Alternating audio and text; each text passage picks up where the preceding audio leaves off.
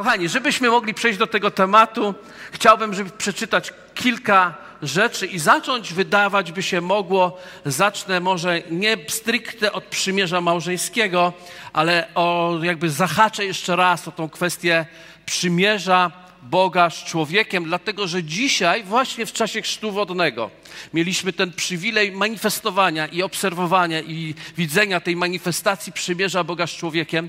I chciałbym, żebyśmy otworzyli pierwszą Mojżeszową e, na rozdziale pierwszym, bo wszystko się tam zaczęło. I przeczytajmy wersety od wersetu 26.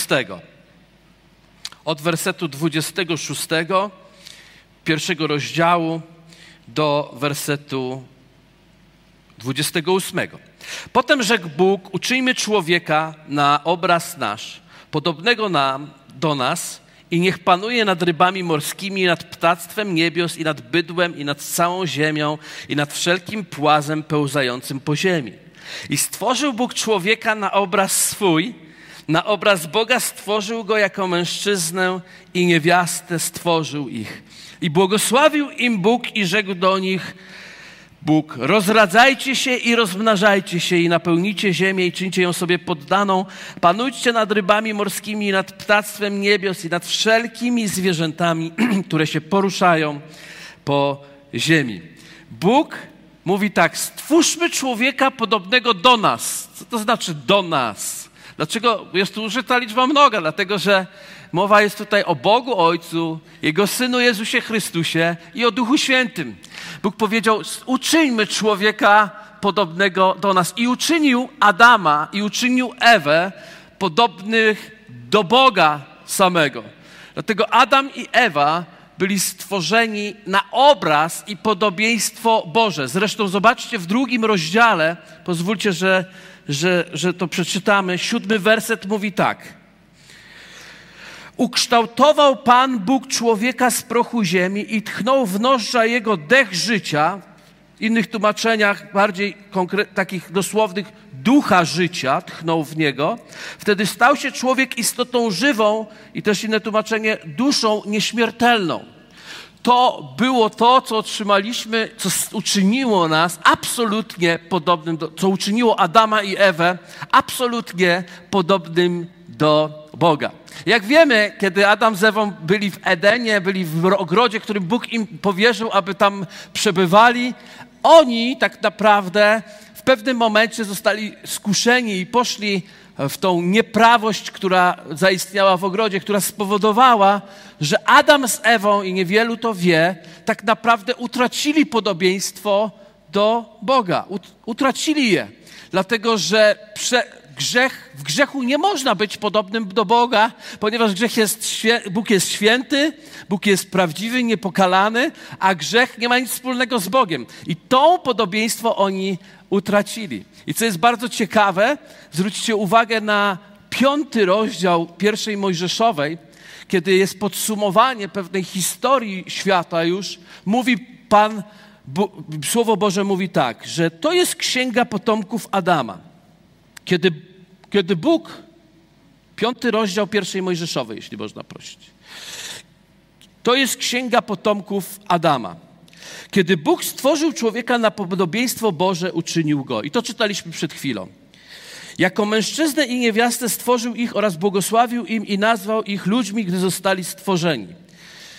Więc Adam i Ewa byli stworzeni na podobieństwo Boże, potem zgrzeszyli i czytamy w trzecim wersecie, Adam żył 130 lat i zrodził syna, na podobieństwo im i nazwał ich ludźmi, gdy zostali stworzeni. Zatem i ten synem, tym synem to był Set. I Set już nie był na podobieństwo Boże, ale Set był na podobieństwo Adama, który upadł i zgrzeszył. Zresztą pozwólcie jeszcze troszeczkę tylko teologii, zaraz przechodzimy do konkretów. Liście do Koryntian, w pierwszym liście do Koryntian, w rozdziale 15, kiedy mowa jest o zmartwychwstaniu e, i mowa jest o tym, że ciała nasze zmartwychwstają, Paweł wyjaśnia nam, w tym rozdziale 48, werset do 49 mówi tak. Jaki był ziemski człowiek, tacy są i ziemscy ludzie. Jaki jest niebieski człowiek, tacy są i niebiescy. Przeto jak nosiliśmy obraz ziemskiego człowieka, tak będziemy też nosili obraz niebieskiego człowieka. Innymi słowy, Bóg mówi do nas tak, że my wszyscy, którzy zostaliśmy zrodzeni w naszych domach, w naszych rodzinach, nosiliśmy w sobie obraz ziemskiego człowieka. Ale przez nasze przymierze z Bogiem i zamanifestowane i potwierdzone chrztem wodnym, przyjmujemy obraz niebieskiego człowieka w sobie i już nie jesteśmy podobni do Adama, ale odzyskujemy to podobieństwo przez Chrystusa do Boga samego, ponieważ On nas powołał od samego początku, abyśmy byli podobni do Niego. To jest wspaniałe przymierze, które Bóg zawarł z człowiekiem. I Bóg powołał Adama i Ewę, aby panowali aby panowali nad zwierzętami, aby panowali nad ziemią. Rolą człowieka było panowanie. Odzyskanie podobieństwa w Chrystusie jest odzyskaniem też tej roli panowania, przede wszystkim nad swoim własnym życiem. Nad swoim własnym życiem. I to jest coś pięknego, że możemy stać się na nowo właścicielami swojego życia. Że nie musimy być miotani lada wiatrem, że nie musimy być miotani porządliwością, że nie musimy być miotani różnymi sytuacjami, ponieważ utwierdzeni w Chrystusa stajemy się do Niego podobni i On to w nas rozpoczął, to na pewno dokończy. Amen. Na pewno dokończy. Na pewno dokończy. Bóg jest dobry i On ten proces rozpoczął. I kiedy Bóg stworzył człowieka, stworzył go jako mężczyznę i, i niewiastę. I chciałbym przeczytać dwa fragmenty, które jeden jeszcze, przepraszam, tyle wersetów, ale przymierze jest oparte o słowo, ono nie jest jakby wymyślone, nie jest kwestią opinii, jest kwestią słowa Bożego. Dlatego przeczytam dwa fragmenty, jeszcze raz przeczytam jeden fragment z Księgi Mojżeszowej z drugiego rozdziału chciałbym e, po stworzeniu człowieka przeczytać od 18 wersetu do 24. Potem rzekł Pan Bóg: Niedobrze jest człowiekowi, gdy jest sam. Uczynię mu pomoc odpowiednią dla niego. Utworzył więc Pan Bóg z ziemi wszelkie dzikie zwierzęta i wszelkie ptactwo niebios i przyprowadził do człowieka, aby zobaczyć, jak je nazwie. A każda istota żywa miała mieć taką nazwę, jaką nadał jej człowiek. Nadał wtedy człowiek nazwy wszelkiemu bydłu i ptactwu niebios i wszelkim dzikim zwierzętom, lecz dla człowieka nie znalazła się pomoc dla niego odpowiednia. Wtedy zesłał Pan Bóg głęboki sen na człowieka, tak że zasnął. Potem wyjął jedno z jego żeber i wypełnił ciałem to miejsce, a z żebra, które wyjął z człowieka, ukształtował Pan Bóg kobietę i przyprowadził ją do człowieka. Wtedy rzekł człowiek, ta dopiero jest kością z kości moich i ciałem z ciała mojego, będzie się nazywała mężatką, gdyż z męża została wzięta. Dlatego opuści mąż ojca swego i matkę swoją i złączy się z żoną swoją i staną się jednym ciałem. I pamiętając, mając ten obraz, który przeczytaliśmy, szybko chcę przejść do listu świętego Pawła, apostoła do Efezjan, który mówi o małżeństwie w ten sposób od 21 wersetu. Ulegając, piątego rozdziału, ulegając jedni drugim w bojaźni Chrystusowej. Żony, bądźcie uległe mężom swoim jak Panu, bo mąż jest głową żony, jak i Chrystus głową Kościoła, ciała, którego jest Zbawicielem.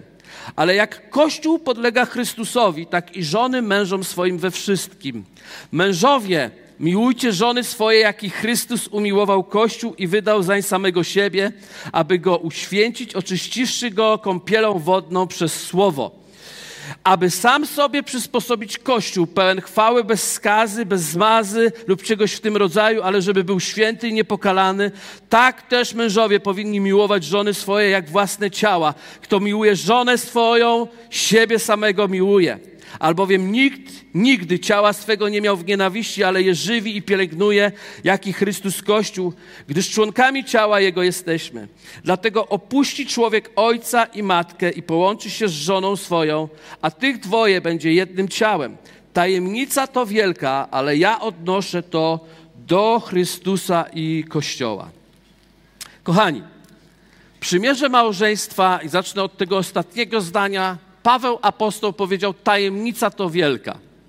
Tajemnica to wielka. Bóg stworzył mężczyznę, człowieka, i w szczegółach dowiedzieliśmy się, że kiedy stwarzał cały świat, mówił: To jest dobre, to jest dobre, to jest dobre. Stworzył faceta i powiedział: Nie jest dobrze. Nie jest dobrze, ponieważ czegoś brakowało.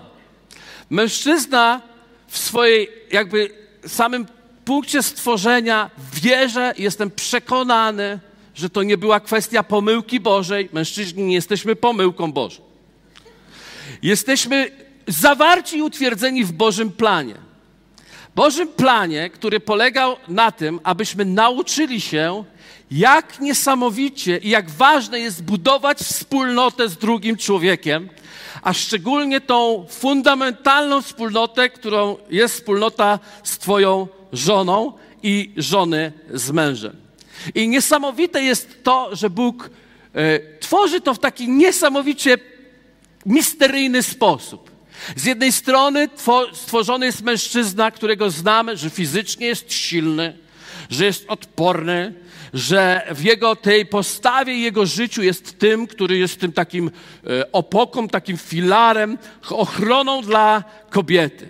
Po ludzku nauczyliśmy się myśleć, że mężczyzna to jest właśnie ten silna płeć, ten silny facet, brzydka, ale silna.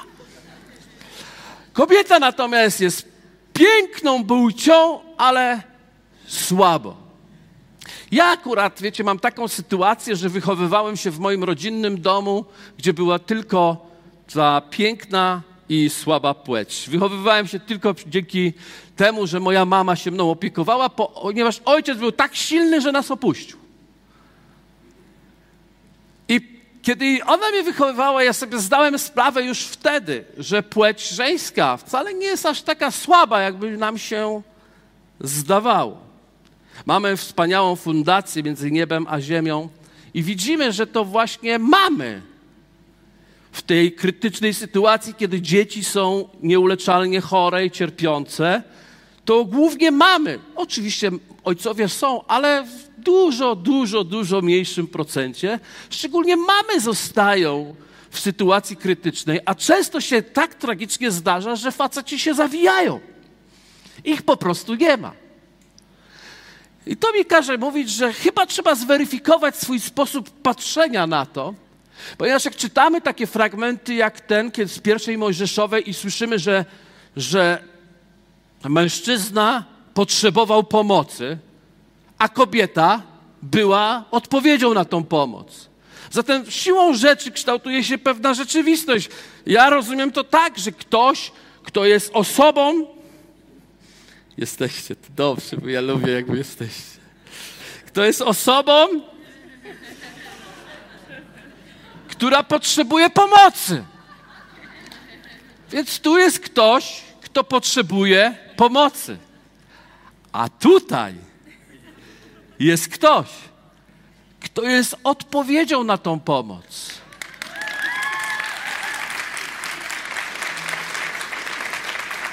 Cali na biało.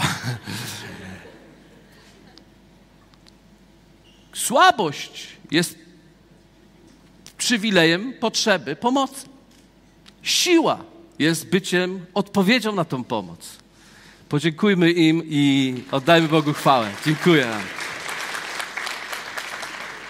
Zatem po pierwsze, nie, kobieta w życiu człowieka, mężczyzny jest siłą, bardzo ogromną siłą i Bóg chciał nauczyć nas, mężczyzn, że nasze powołanie, nasze przeznaczenie może być zrealizowane tylko w kontekście właściwej pomocy.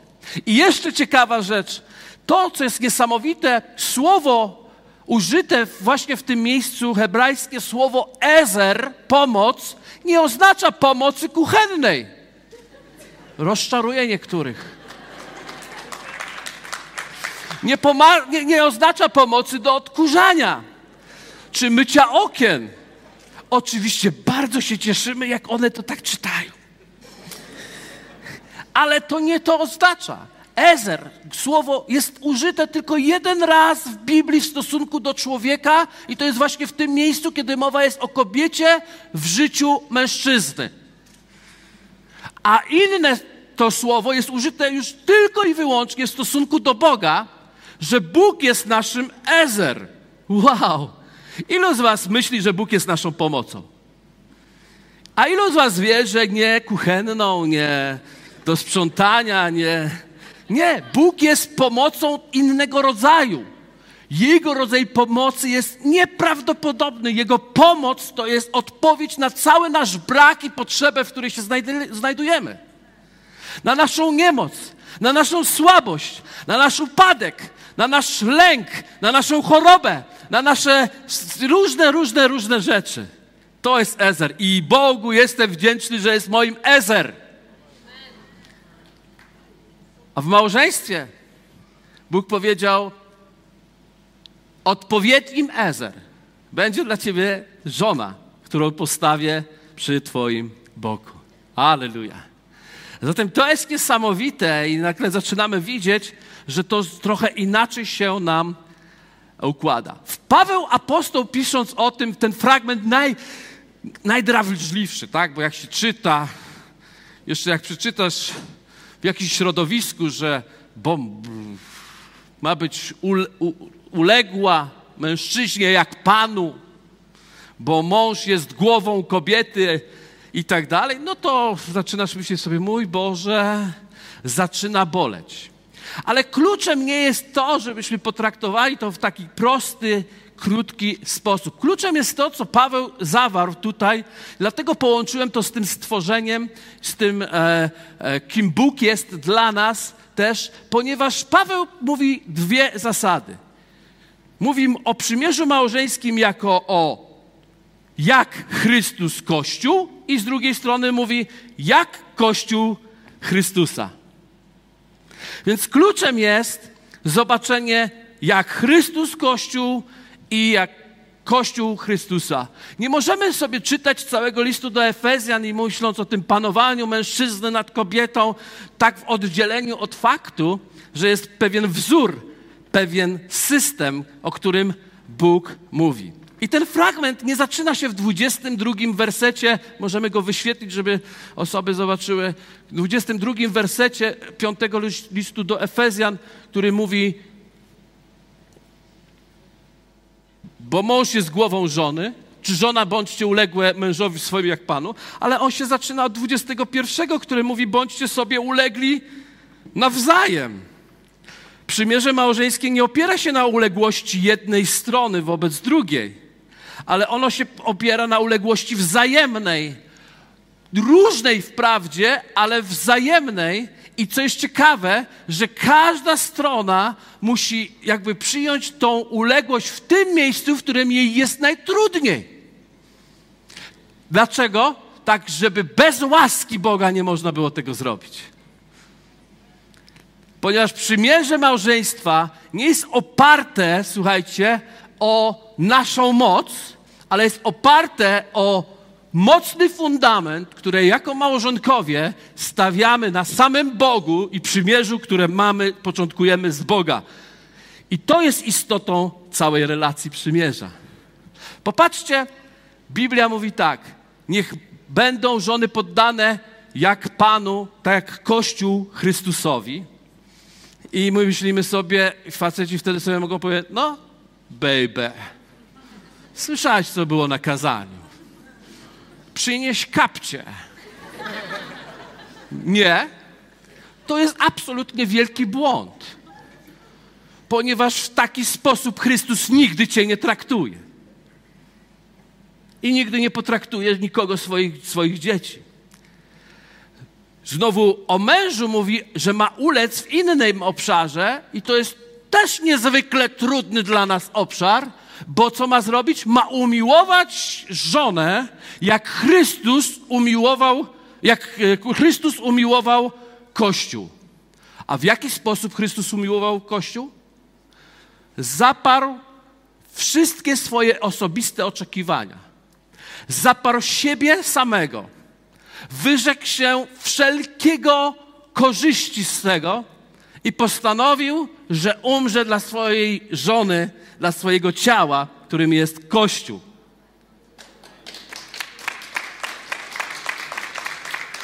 I pamiętam, jak jedna, jakaś niewiasta na jednej konferencji powiedziała, i to mnie aż przeszyło, powiedziała, każda kobieta z radością podda się takiemu mężczyźnie, który kocha tak ją, jak Chrystus umiłował Kościół. Amen. Bo popatrzcie i zobaczcie, że w relacji jak Kościół, Chrystus i Chrystus Kościół nie zaczyna się, nie zaczęło się od tego, że Kościół się poddał, tylko wszystko się zaczęło od tego, że Chrystus za Kościół umarł. W Efezjan mamy napisane, zaczynamy od żon, ale w rzeczywistości, w duchowym rzeczywistości zawsze zaczyna się od męża. Bo Kościół zaczął się od Chrystusa. Nie byłoby poddania Kościoła, gdyby Chrystus wpierw nie umarł. Więc e, mąż nie ma przestrzeni na to i powie, o kochanie, ja to Cię będę tak kochał, jak Chrystus umiłował Kościół, jeśli Ty w końcu zaczniesz mi przynosić te kapcie. Nie. Zaczyna się od miłości, która jest twórcą wszystkiego. Nie chcę Wam powiedzieć i chcę, żebyście to zobaczyli, że w ogóle w przymierzu, tym temacie serii, w której się znajdujemy, czy mówiliśmy o przymierzu z Bogiem, czy mówiliśmy o przymierzu uwielbienia, czy mówiliśmy o przymierzu przyjaźni, czy mówimy w końcu o przymierzu małżeństwa, fundament i taką główną cechą, i główną motorem i siłą przymierza jest miłość. Miłość. Miłość, która jest nazwana słowem w Biblii, greckim słowem agape. Agape. I to jest klucz, bo wszystko się zaczyna od agape. Kiedy Paweł mówi, jak Chrystus umiłował Kościół, bo nikt nie ma w nienawiści swojego ciała, bo mąż ma miłować jak swoje ciało, ponieważ je pielęgnuje i tak dalej. Zauważyliście, co Adam powiedział, patrząc na Ewę? Mówi, ta jest ciałem z mojego ciała, kością z moich kości. To słowo, ta deklaracja, ta wypowiedź Adama, to jest tak naprawdę w tamtym języku powiedzenie: Będę Cię kochał jak siebie samego. A, a kto w jaki ja, siebie, jak, jaki ja siebie sposób kocham? Kocham siebie w sposób taki bezinteresowny, bez warunków. Ja biorę to, co jest. Czy mam świadomość swoich małości, słabości? Mam, ale nie na tym mam skupienie, mam skupienie na tym, że darzę tym, kim jestem, miłością. Jest to dla mnie ważne. Gdybym tego nie robił, to bym zaczął myśleć o samobójstwie. Ale ponieważ akceptuję to, kim jestem, i muszę się zgodzić w sobie też, kim jestem, i muszę zgodzić się też w sobie, że, mam, że żyję ze sobą, bo wiecie, będziemy ze sobą całą wieczność. Trzeba się w końcu umiłować. I w ten sposób mamy kochać. Agape oznacza, że kocham Cię bezwarunkowo, czyli ja nie mam w mojej miłości, nie mamy w przymierzu małżeńskim tego, że ja Cię kocham dlatego, żeby coś z tego mieć. Ja Cię kocham tylko ze względu na Ciebie. Zatem Adam, który powiedział, ta jest ciałem z mojego ciała, kością z mojej kości, właściwie powiedział to nie tak. Niezależnie od tego, jaką, jaką będziesz kobietą, jaki masz charakterek i coś z Ciebie wyjdzie później, ja i tak będę robił wszystko, co dzisiaj,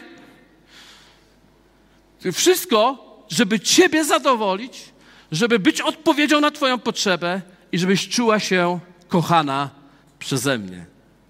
Ponieważ w przymierzu małżeńskim wchodzą jeszcze trzy, dwa inne słowa, które też są tłumaczone jako miłość, to jest fileo i eros.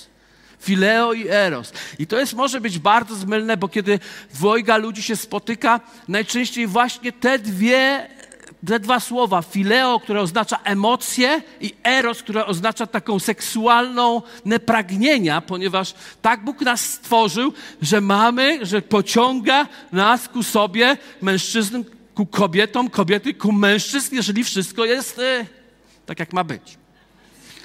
Zatem to jest naturalny pociąg, który gdzieś jest w naszym życiu. To jest naturalne przyciąganie, które jest w naszym życiu. Ale ono może nas zwieść, ponieważ ono ma bardzo mocną siłę chęci zaspokojenia swojej potrzeby.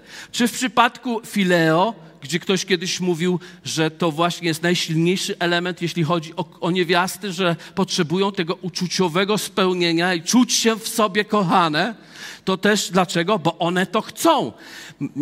Drugie powiadają, że mężczyźni mają te większe seksualne gdzieś pragnienia, chociaż teraz to jest tak, się wszystko tam zmienia w przestrzeni kosmicznej w XXI wieku, ale w XX tak było przynajmniej, przynajmniej tak jak pamiętam, że to mężczyzna wiódł w tym pragnieniu fizycznym i też było tam podszyte egoizmem polegającym ja chcę.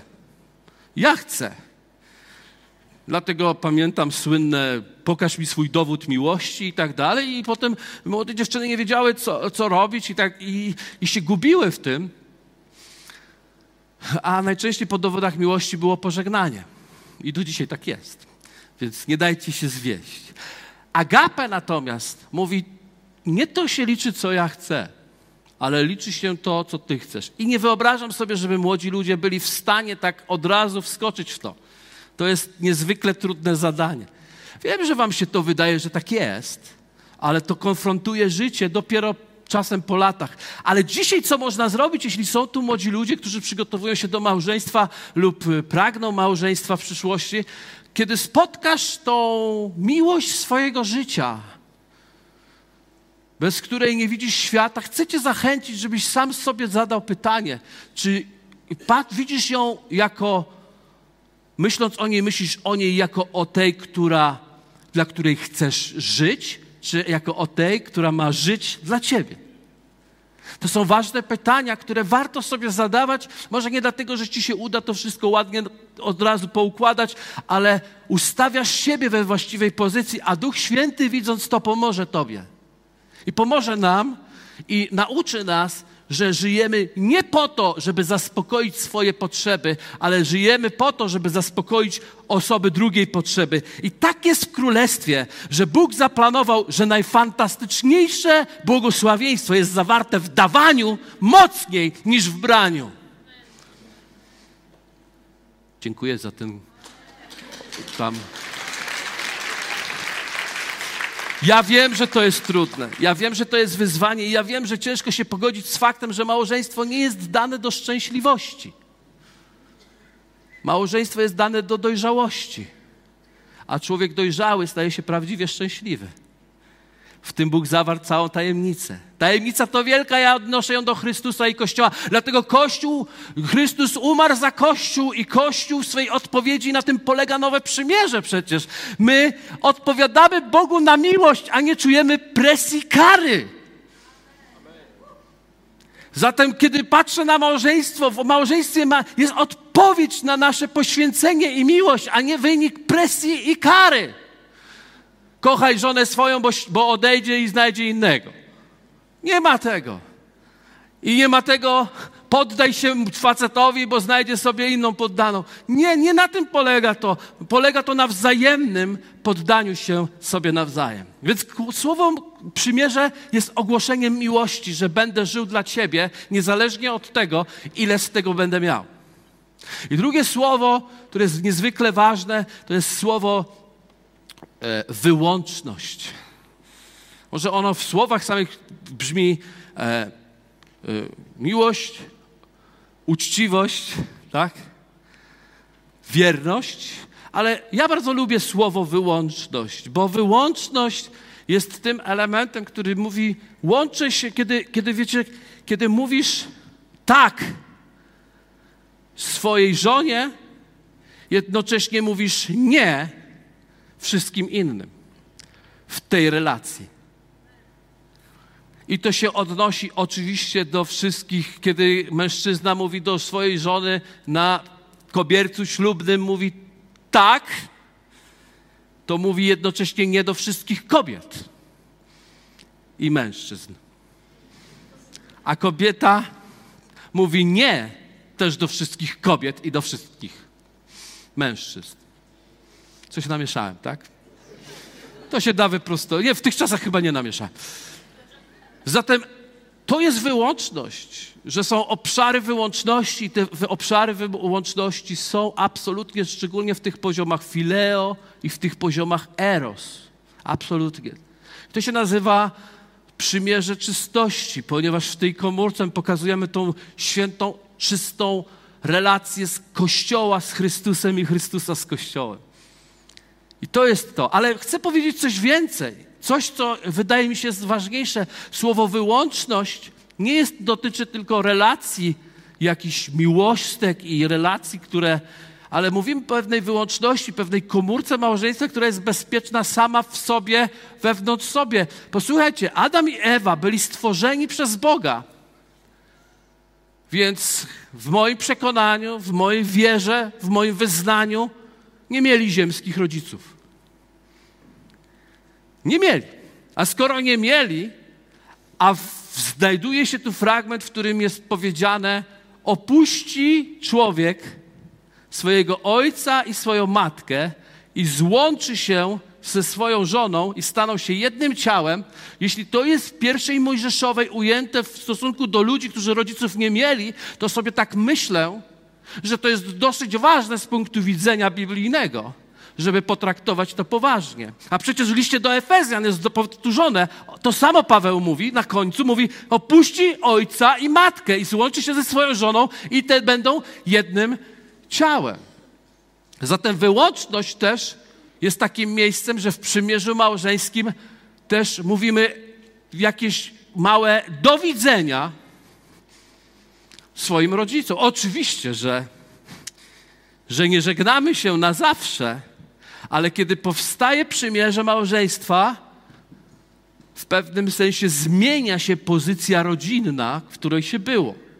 To jest bolesny obszar bardzo często nierozumiany i myślę sobie, że właśnie dlatego jest napisane to ten, który się żeni, opuści ojca i matkę i ten, który się żeni, opuści ojca i matkę, a nie, że ojciec i matka opuszczą, bo ojciec i matka nie potrafią. Bo oni tego nie widzą. Żaden ojciec i żadna matka nie widzi, że ma, że może mieć niewłaściwy wpływ na nowe małżeństwo. Bo wiecie, my jesteśmy do szaleństwa zakochani w naszych dzieciach. Do szaleństwa. Więc my to nie nazywamy kontrolą nowego małżeństwa, my to nazywamy troską. My się chcemy zatroszczyć, my chcemy zadbać o wszystko i ja to rozumiem i, i coś o tym wiem. Ale młoda para, czy młodzi małżonkowie muszą zacząć od tego przeanalizowania, że zmienia się poziom relacji też tej rodzinnej. To nie jest odrzucenie rodziców, ale wiecie, rodzice, kochani, i ja się tego uczę i wiem, że my wszyscy się tego uczymy, że troska nasza to nie jest zrobieniem coś za te dzieci, tylko i, i powiedzeniem, jak mają robić, a jak nie to, nie, to się nie będziemy odzywać. Tylko nasza troska opiera się na doradztwie, i trzeba przełknąć to w sobie, że wchodzisz na pozycję doradcy i nie zawsze cię posłuchają. Nawet jeśli nie mają racji, nie zawsze cię posłuchają i tak nie możesz przekraczać pewnej granicy jako rodzic, mimo że bardzo chcesz dobrze. Ponieważ sam Bóg nie przekracza nigdy granicy, kiedy my nawalamy, woła, radzi, zaprasza, ale decyzję zostawia nam. I tak samo jest w relacji tej, kiedy powstaje młode małżeństwo. Zatem widzicie, mówimy tutaj o miłości bezinteresownej w przymierzu małżeńskim, mówimy tutaj o wyłączności, która jest wyłącznością w sferze tej intymności małżeńskiej, ale też jest wyłącznością w stosunku do pewnego zarządzania i prowadzenia rodziny. I w końcu mówimy o trwałości. I nie opuszczę cię aż do śmierci. To oznacza trochę więcej niż jakoś dociągniemy.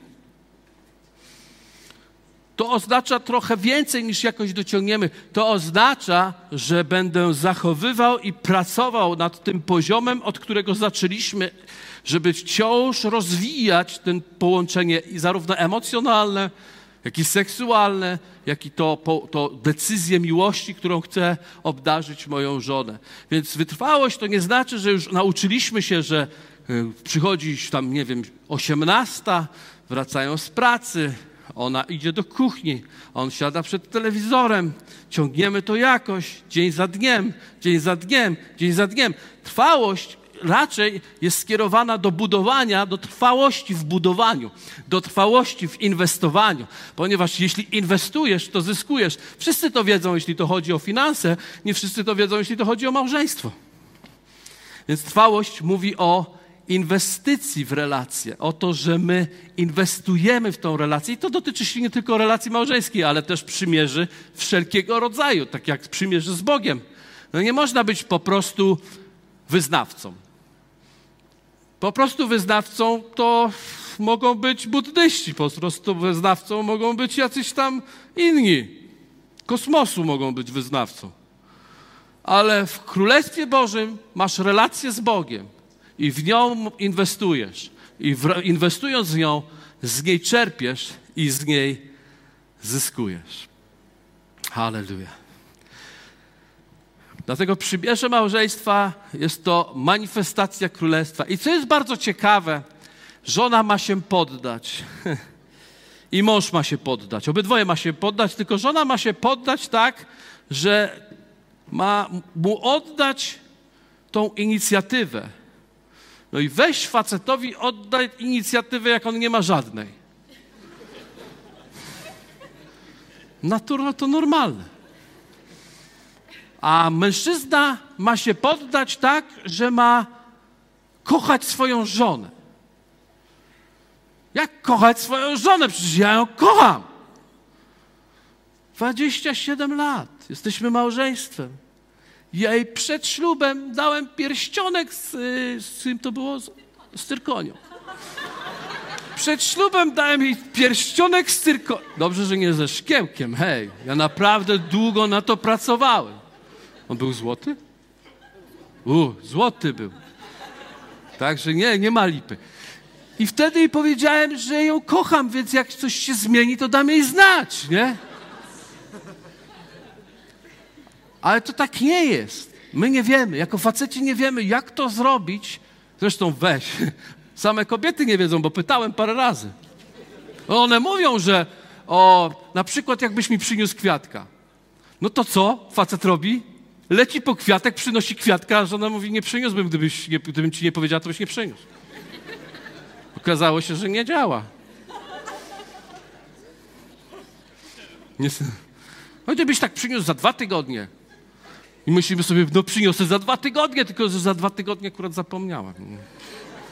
Ale nie dlatego, że nie kochamy, tylko dlatego, że nie potrafimy tego wyrażać. Więc zobaczcie, i, i wy, dziewuchy, i my, faceci, nie wiemy jak. Ale On wie. On wie. Dlatego mamy tyle tych różnych, różnych momentów w życiu małżeńskim. Ale jest Bóg, jest łaska, i możemy go zaprosić i możemy być prawdziwi, bo kluczem przymierza jest jeszcze prawdziwość, uczciwość. Więc możemy być prawdziwi i być prawdziwie wyrażać to, co czujemy. Wyra sztuka wyrażania emocji, to się człowiek uczy. My zaczynamy coś już umieć po 27 latach. Także zalecam młodym, młodszym cierpliwość. Bo to się dochodzi. Trochę później, ale się dochodzi do zrozumienia i do połączenia. Coś chciałem jeszcze powiedzieć, tak chodzę i tak kombinuję, przedłużam, bo, bo chciałem coś ważnego powiedzieć.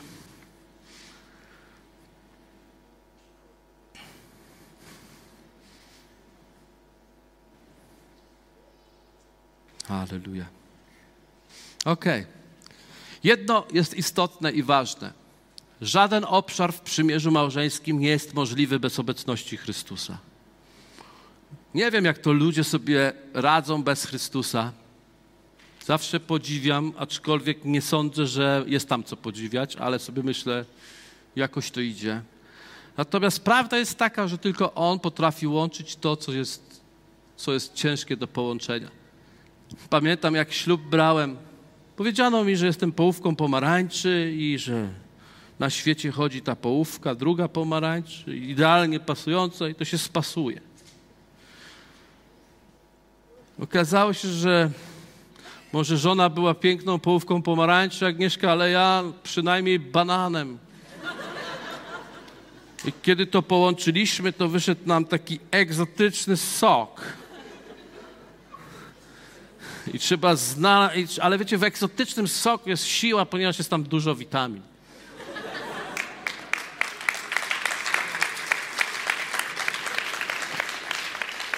I Bogu jestem wdzięczny za to, że, że jestem w takim miejscu, że jesteśmy w takim miejscu.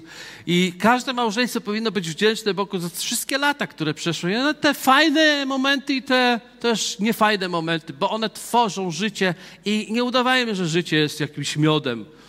Miodzio-lodzio. Życie nie jest miodzio-lodzio. Życie jest słodko-kwaśne. I za wszystko dziękujemy Bogu. Bo Bóg nie jest dziadkiem rozem, tym y, mrozem, tak? Rozdającym prezenty jedynie. Ale Bóg jest tym, który widzi nasze życie, pozwala nam żyć jak chcemy i, i pomaga nam w sytuacjach, kiedy Go o to prosimy i Go do tego wołamy. I Bogu dziękuję za życie. Bogu dziękuję za przymierze, które mam z Nim.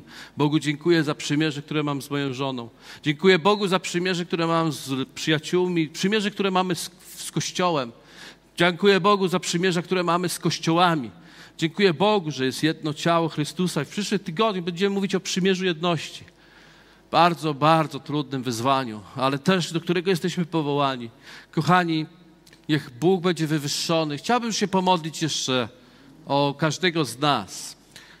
Ktoś powie, no było dzisiaj do małżeństw. Jak wiecie, młodzi ludzie przygotowują się do małżeństw. E, starsi ludzie, którzy są już po małżeństwach, dowiedzieli się dzisiaj o co się modlić. Nie, że o męża, bo to już może nie ten, ale o te małżeństwa, które widzicie w kościołach. Wszyscy potrzebujemy siebie. Żeby mieć zdrowe małżeństwa, potrzebujemy wszystkich. Biblia mówi, że prawdziwą pobożnością jest troszczyć się o sieroty i wdowy, ale powiem wam, że wdowy najwspanialej troszczą się o nas, nie sieroty. Chociaż ja akurat jestem sierotą ale o nas, dlatego że one się modlą, one wołają do Pana, one mają szczególne połączenie ze swoim Bogiem. I ja nie znam wdowy, która chodzi z Bogiem i która by chodziła letni sposób. Wdowy mają osobiste nabożeństwo ze swoim Bogiem, które jest nieustanne. I tak zależy mi na takich ludziach, żeby wołali, modlili się o te młode małżeństwa, które próbują kupić mieszkania, znaleźć pracę, ustawić rzeczy, zrodzić dzieci. Jesteśmy i potrzebujemy Was. Kościół potrzebuje siebie nawzajem.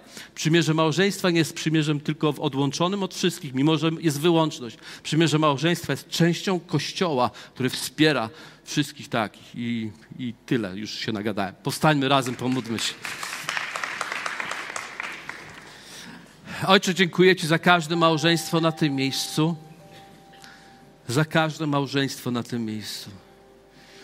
I proszę Cię o to, żebyś prowadził to przymierza we właściwy sposób i każde przymierze wzbudził i, i, i nadał też takiego nowego prądu światła. Pod, podgraj głośniej takim bardziej weselszym, bo małżeństwo. Niech Twoja łaska, Panie, będzie nad każdym małżeństwem w imieniu Jezusa. Niech przyjdzie Twoje królestwo, niech objawi się Twoja chwała. Prowadź nas, Duchu Święty, w tym przymierze, abyśmy kochali siebie bezinteresownie, abyśmy mieli wyłączność w naszych relacjach, w naszym, w naszym połączeniu, w naszej relacji, abyśmy byli prawdziwi w niej i abyśmy byli w niej trwali.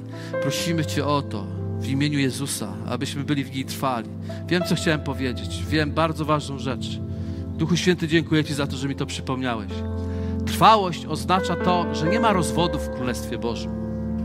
Rozwodów nie ma. Jeżeli gdzieś nastąpił rozpad małżeństwa, to nie jest to rozwód, jest to rozerwanie przymierza. Nigdy to nie jest bez znaczenia. Zawsze to jest bolesne i cierpiące. Bóg zawsze cierpi, na, kiedy widzi rozerwane przymierze. Ale Bóg nie powoduje, że ktoś, kto został uderzony w tym przymierzu i został rozerwany, nie powoduje, że zostawia Ciebie teraz na los cierpiętnictwa, pozostania samemu. Bóg ma plan też dla Ciebie. Bóg ma plan i zawsze poprowadzi Cię w tym, jeżeli poddasz Mu swoje życie. Dzięki za odsłuchanie podcastu Kościoła Wrocław dla Jezusa. Przesłanie było dobre, prawda? Gwarantujemy, że to nie tylko teoria. Teraz Twój ruch, by zastosować je w swoim życiu. Jeśli chcesz dowiedzieć się o nas więcej, odwiedź stronę wdj.pl. Do usłyszenia!